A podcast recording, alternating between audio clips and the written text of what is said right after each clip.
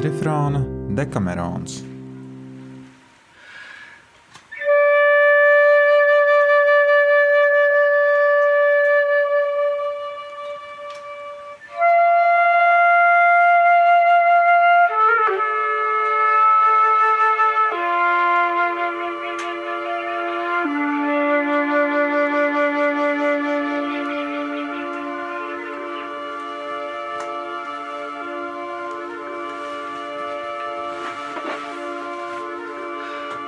Ceturtā diena, desmitā novela. Kad karalis jau bija savu novelu pabeidzis, vienīgais, kam vēl nācās pastāstīt savu, bija Dionējs, kas to zinādams un jau saņēmis karaļa pavēli, iesāk tā. Bēdu stāst par nelaimīgu mīlestību piepildījuši ar skumjām acis un sirdi ne tik vien jums, manas dāmas, bet arī man. Kāpēc es ļoti vēlētos, lai tie reiz būtu galā? Tagad, lai slavēts Dievs, tie beigušies. Ja vien man neienāk prātā šiem skumjiem stāstiem pievienot skumju izskaņu, no kā lai Dievs mani pasargā, un nepievēršoties vairs tik bēdīgam tematam, es uzsākšu mazliet jautrāku un labāku. Varbūt dodams labu iesākumu tam, par ko būs jāstāsta nākamajā dienā. Tātad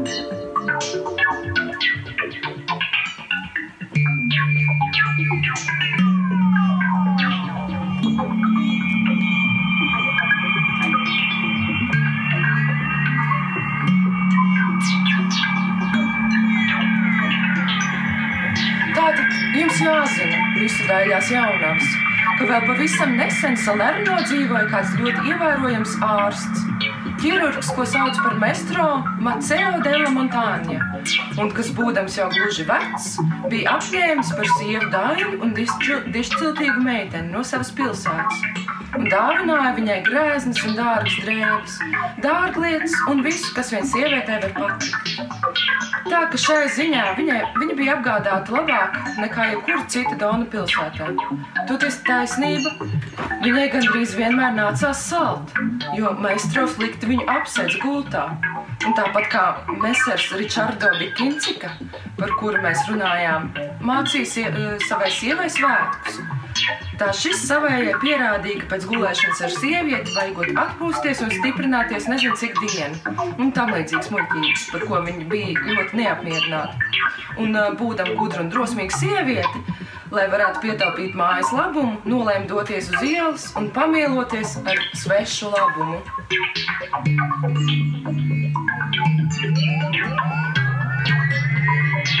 un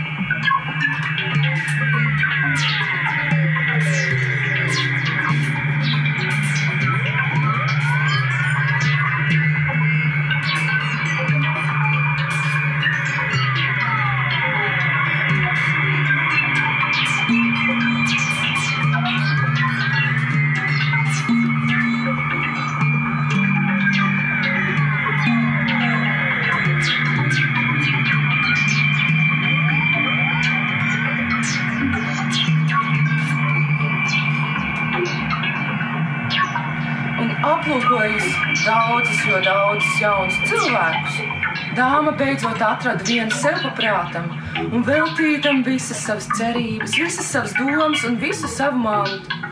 Kad jauneklis to pamanīja, arī viņa tam ļoti iepatikās, un tas dāvāja viņai visu savu mīlestību.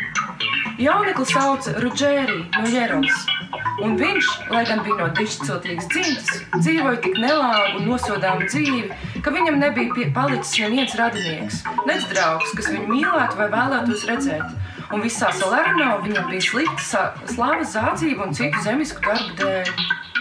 Taču dāmai tas visai, visai maz rūpēja, jo viņš tai patika citādā ziņā. Un ar kādas savas kalpones palīdzību Dona iekārtoja tā, ka viņi satikās. Un pēc tam, kad abi bija mazliet guvuši prieku viens no otra, dāma sāka pelt viņa līdzinējo dzīvi un lūgt, lai aiz mīlestības pret to viņš atmetot šīs neģēlības. Un, lai dotu viņam iespēju to darīt, dāma sāka viņam palīdzēt drīz ar lielākām, drīz ar mazākām naudas summām. Un kamēr viņi tādā veidā joprojām ļoti uzmanīgi sastapās, atgadījās, ka ārsta rokās nonāca kāds slimnieks, kam bija slima kāja. Apskatījis vainu, ārsts teica slimā piedarīgajiem, ka slimiem nākšoties vai nu zaudēt visu kāju, vai pat mirt, ja neizņemšot kādu bojātu kaulu no slimā kājas. Ja kaulu izņemtu, slimnieks varbūt izvesaļotos, taču viņš citādi neķeršoties tam klāt, kā vienīgi uzskatot to, to jau par nāvei nolēmtu. Un vienojoties ar tā tuviniekiem, ar tādu nosacījumu slimnieku pieņēma.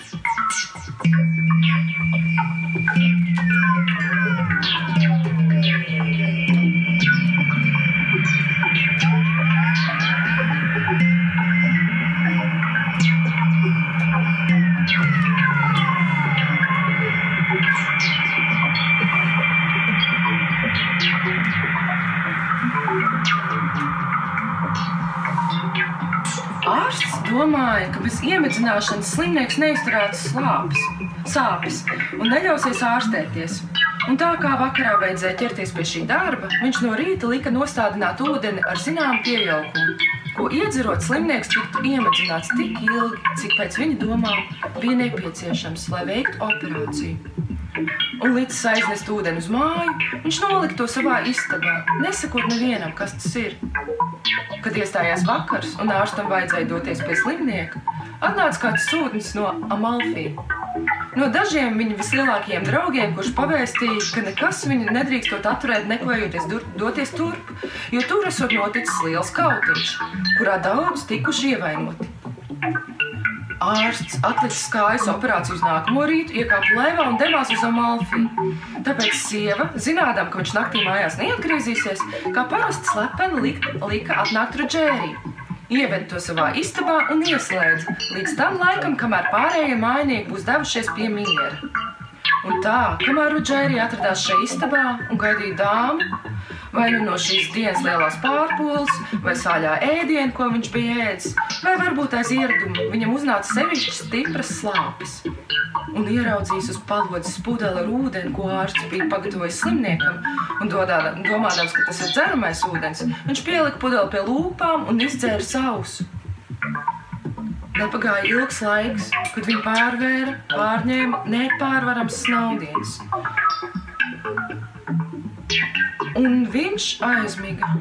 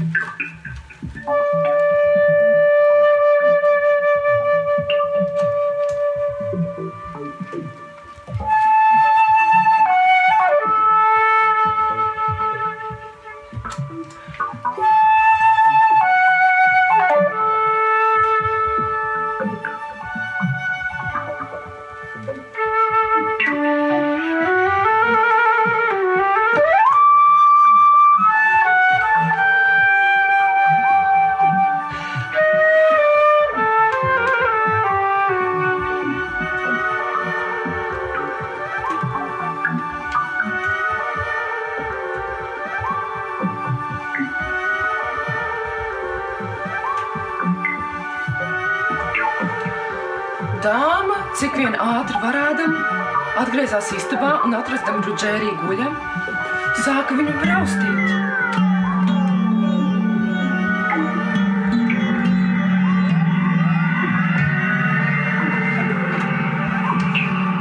Un klusā balsī sacīja, lai viņš ceļoties. Tomēr tas nelīdzēja. Viņš neatbildēja un nemaz nepakustējās. Tāpēc dāma, mazliet noskaitusies, pagrūda viņu spēcīgāk, sacīdama: Cēlies, miega pūzni! Ja tu gribēji gulēt, tev vajadzēja iet uz savu māju un nevis nākt šurp. No tāda grūdiena Rudžērija nokrita no lādes, uz kuras atradās, un neizrādīja vairāk dzīvības zīmju, kā būtu izrādījis mironis. Dāma par to mazliet nobijusies, gribēja viņu piecelt un sāka kratīt stiprāk.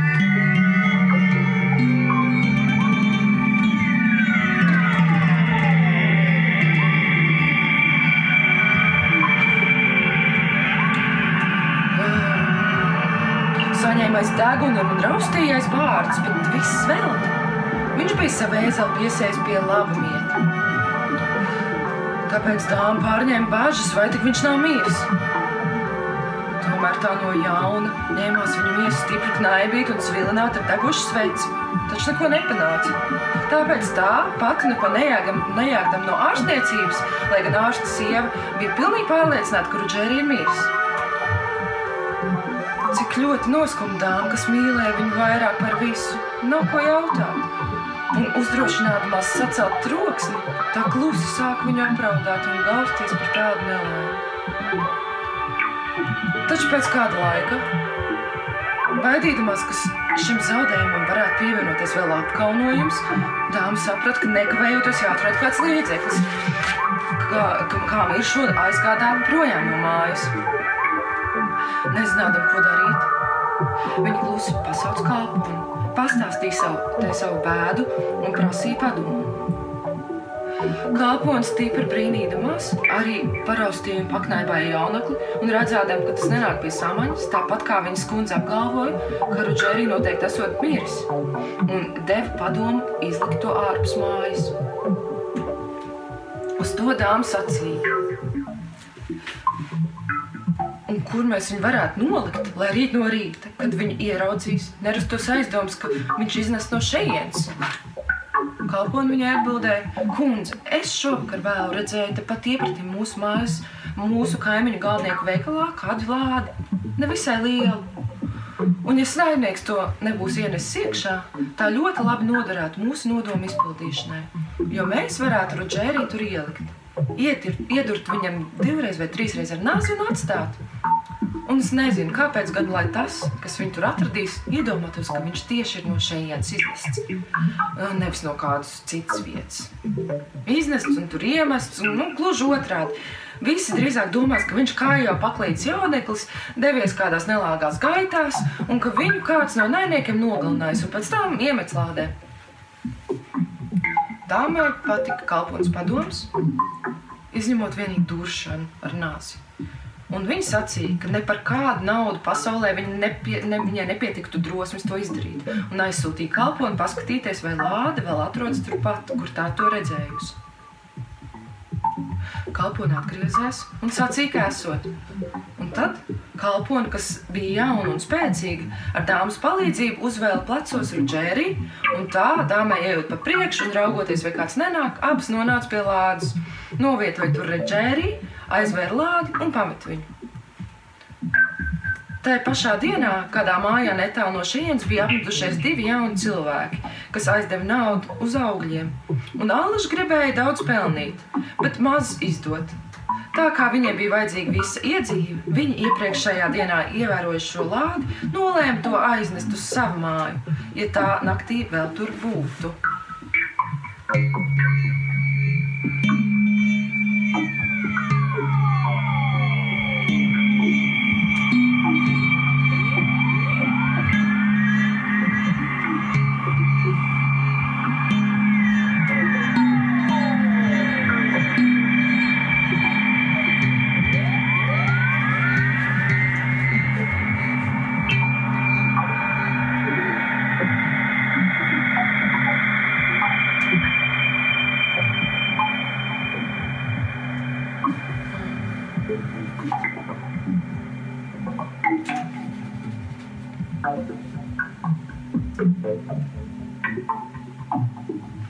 Un, kad pienāca pusnakts, viņi izgājuši ārā, atrada lādi un to tuvāk neaplūkojuši, ātri aiznesa uz savu māju. Lai gan tā izlikās mazliet pasmaga, un nolika to blakus istabai, kurā gulēja viņu sievas.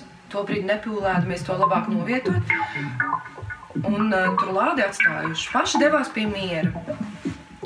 Rudžērija, kas bija gulējis ļoti ilgi un jau paspējis pārstrādāt dzērienu un pārvarēt tā spēku, atmodās īsi pirms rīta dievkalpojuma. Un, lai gan miegs bija pārtraukts un jutekļi atguvuši spēku, viņa smadzenēs tomēr palika apstulbums, kas ne tik viens šonakt, bet vēl vairākas dienas padarīja durnu viņa prātu. Un, kad viņš atvēra acis un neko neredzēja, viņš izstieps rokas uz vienu pusi un uz otru pusi jūta, kā atrodas lādē. Lūkoja atcerēties, kas ar viņu noticis. Un pie sevis sacīja, kas tad tas, kur es atrodos? Vai es guļu, vai es esmu nomodā?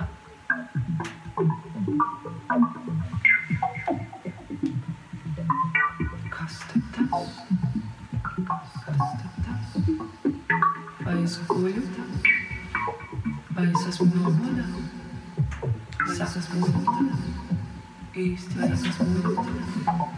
Īsti vai es esmu nomodā? Īsti vai es esmu nomodā?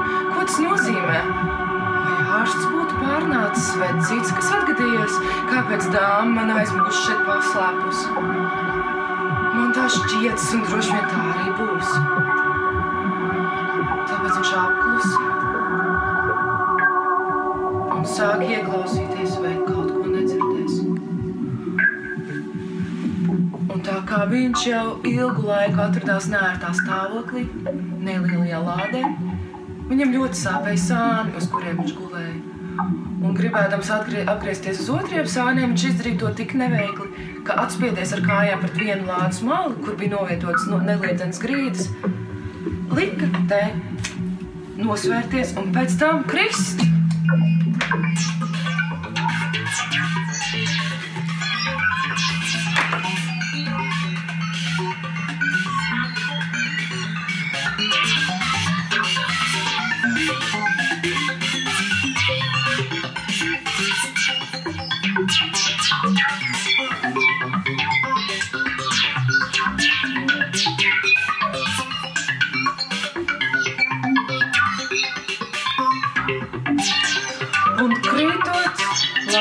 Lāde sacēla tik lielu troksni, ka sievietes, kas gulēja blakām, atmodās un izbīdās. Un izbīlīja nebildi vārdu.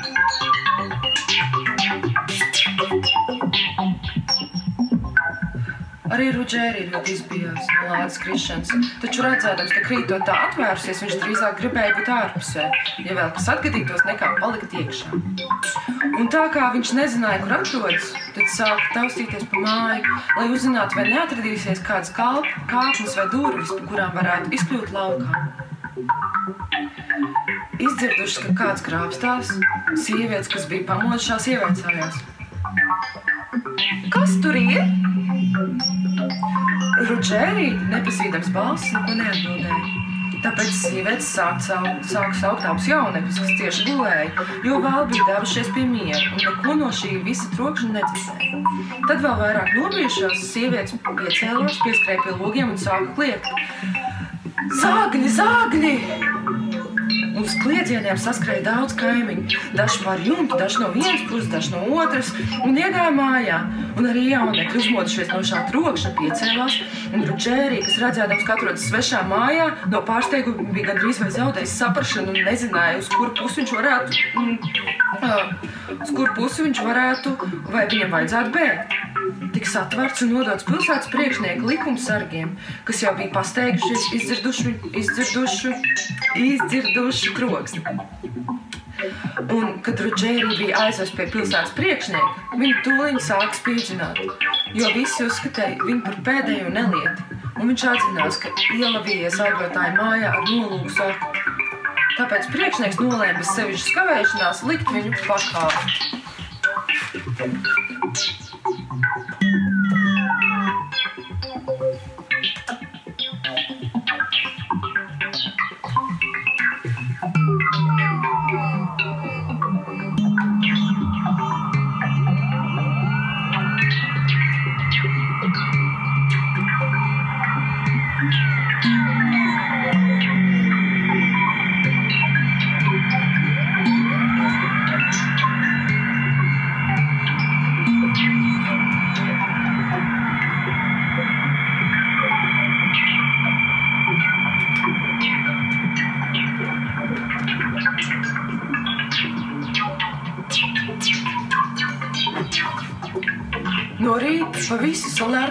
Pilsētu izplatījās vēsts, ka Rudžērija pieķerta zādzībā augļotāju mājā.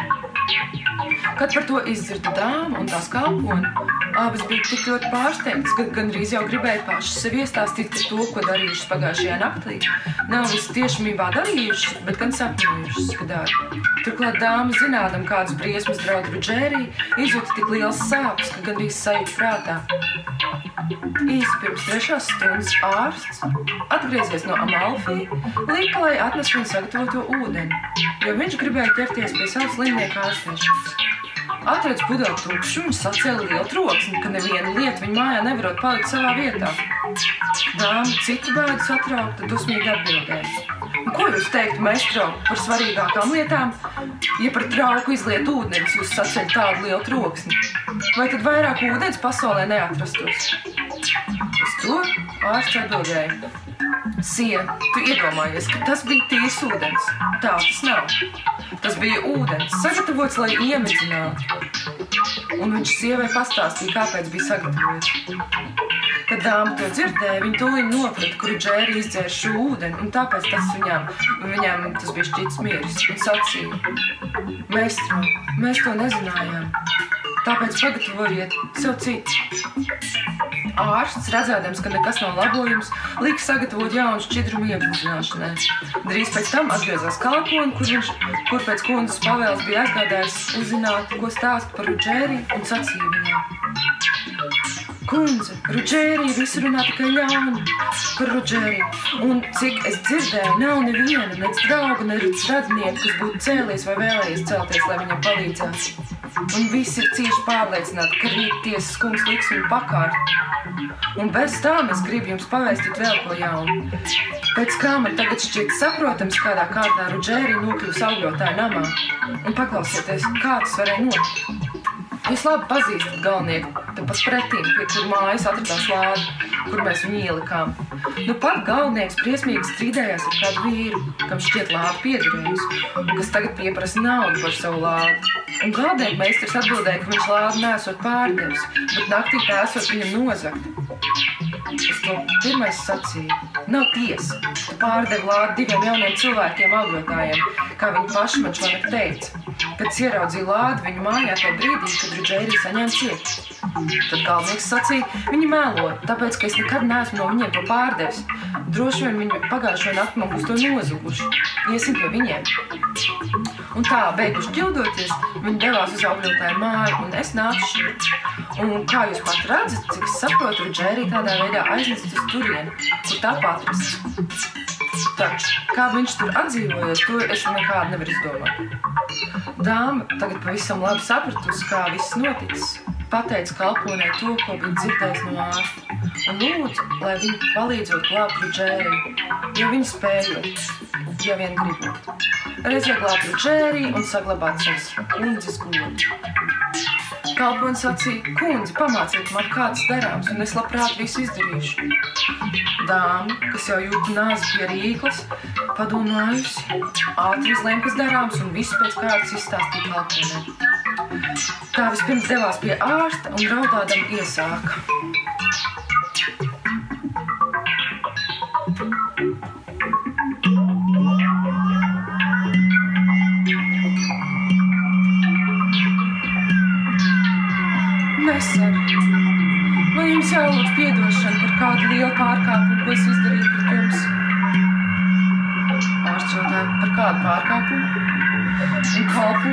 Kalpūna nemitēda maz raudāt atbildēja, Neser. Jūs zināt, kas par cilvēku ir Džērija no ieraugas, kuram sievi tikos un pat daļai aiz bailē, pat daļai aiz, aiz mīlestības. Es kļuvu, nu jau, nu, nu jau būs kāds par viņu draugaļu. Uzzinājis, ka jūs vakar vakarā nebūsiet mājās, nu, viņš man tā pieglēmojās, ka es viņu ievedu jūs namā, savā istabā, pie sevis gulēt. Un tā kā viņa bija liels slāpes, es nezinādam, kur tālāk ātrāk sadabūt ūdeni uh, vai vīnu, un negribēdam, ka man ieraug jūsu kundze, kas atradās zālē, atcerējos, ka bija redzējis jūsu istabā kādu nelielu pudeli ar ūdeni. Aizskrēju pēc tās un iedevu viņam padzerties, bet pudeli nolika turpat, kur bija to paņēmusi. Par to es dzirdēju, jūs esat sacēluši mājās lielu troksni. Protams, es atzīstos, ka, ka rīkojos slikti. Bet kur ir tāds, kas kādreiz nerīkojas slikti? Es ļoti nožēloju. Tā izdarīja ne tik vien izdzertā ūdens dēļ, bet arī vēlāko saku dēļ. Jo Rudžērija atrodas dzīvības briesmās, un tāpēc es jūs lūdzu, cik vien spēju piedot man un atļaut, ka es spēju palīdzēt Džērijai, cik vien būs manos spēkos. Ārsts uzklausīs viņu, kaut vēl noskaidrs. Jokodams atbildēja: "Mm, Tu jau pats sev uzliksi sodu.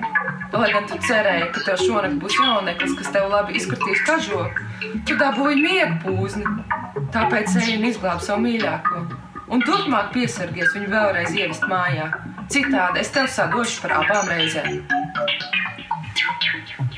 Kalponē likās, ka pirmais uzbrukums izdevies, un viņa, cik ātri varēdama, steidzās uz cietumu, kur atradās Rudžērija, un tikmēr pieglēmojās cietuma uzraugam, kamēr tas atļāva parunāties ar ieslodzīto. Pamanījis Rudžēriju, kas šim, atne, ja, ka, kas šim jāatbild tiesnesim, ja grib izglābties, viņa panāca to, ka nokļauj pie paša tiesneša. Tā kā mēģis bija zaļoksnēji un spēcīgi, tiesnesis iekams viņu uz, uzklausīt, gribēja paķert uz savu āķu šo dievu pilnklēto Kristus māsu, un viņa, lai lūgums tiktu labāk uzklausīts, nepretojās. Tad piecēlusies pēc vaļāšanās, viņa sacīja: Mēser, jūs esat šeit apti, apcietinājis kā zaglu Rudžēriju no Jeravas, taču tas ir netaisni. Un sākot no sākuma, viņa tam izstāstīja visu notikumu līdz pat beigām. Kā viņa, būdama Rudžērija mīļākā, ievedus to ārstu mājā, ievedus, iedavusi tam iedzert arī miega sālēm saikto ūdeni, pat to nezinādam. Un kā noturēdam par mirušu, viņa ielikusi to lādē. Pēc tam viņa pastāstīja par vārdu apmaiņu, ko bija dzirdējusi starp galvnieku meistaru un lādes īpašnieku. Kādā kārtā pierādījām, kā Rudžērija nokļūst augļotāju mājā. Tiesnesis,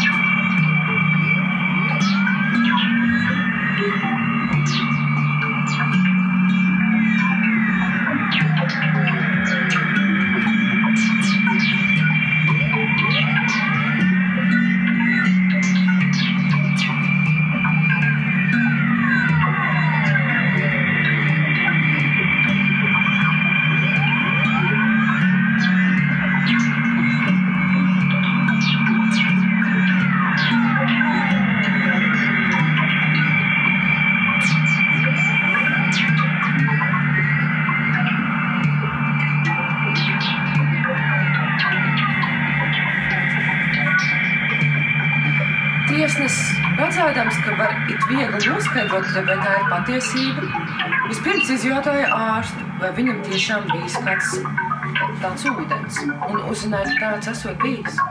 Un pēc tam līdzis atsauca galvnieku, kā arī lādes īpašnieku un augļotājus. Pēc ilgām pārunām noskaidroja, ka augļotāji pagājušajā naktī lādi nozaguši un aiznesuši uz savu māju. Beidzot, tiesnesis aizsūtīja pēc Rudžērija un jautāja viņam, kur viņš iepriekšējo nakti pārnakšņojis.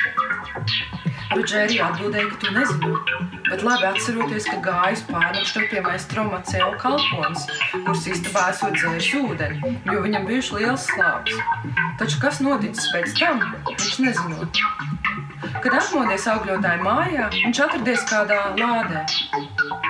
Tiesnesim ļoti patika klausīties par visiem šiem atgadījumiem, un viņš lika gan kalponē, gan rudžērī, gan galdniekam, gan augļotājiem vairākas reizes visu pārstāstīt. Thank you.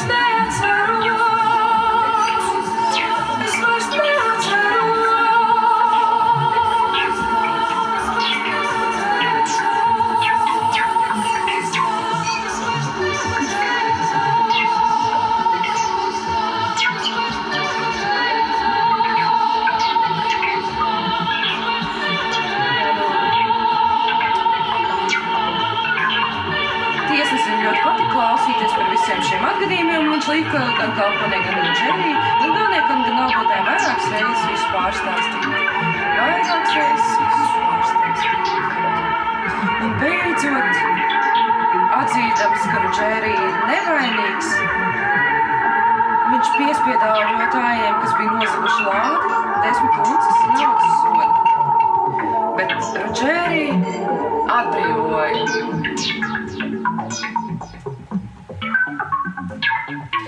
Ik viens saprats, kuru Džērija par to priecājās, un par to bezgalīgi priecīgi bija arī viņa dona, kas vēlāk kopā ar Džēriju un savu labo kalponu, kur bija gribējis viņu ar nāzi ievainot. Daudzas reizes par to smējās un uzjautrinājās, un joprojām guva no savas mīlestības ar vien lielāku un lielāku baudu.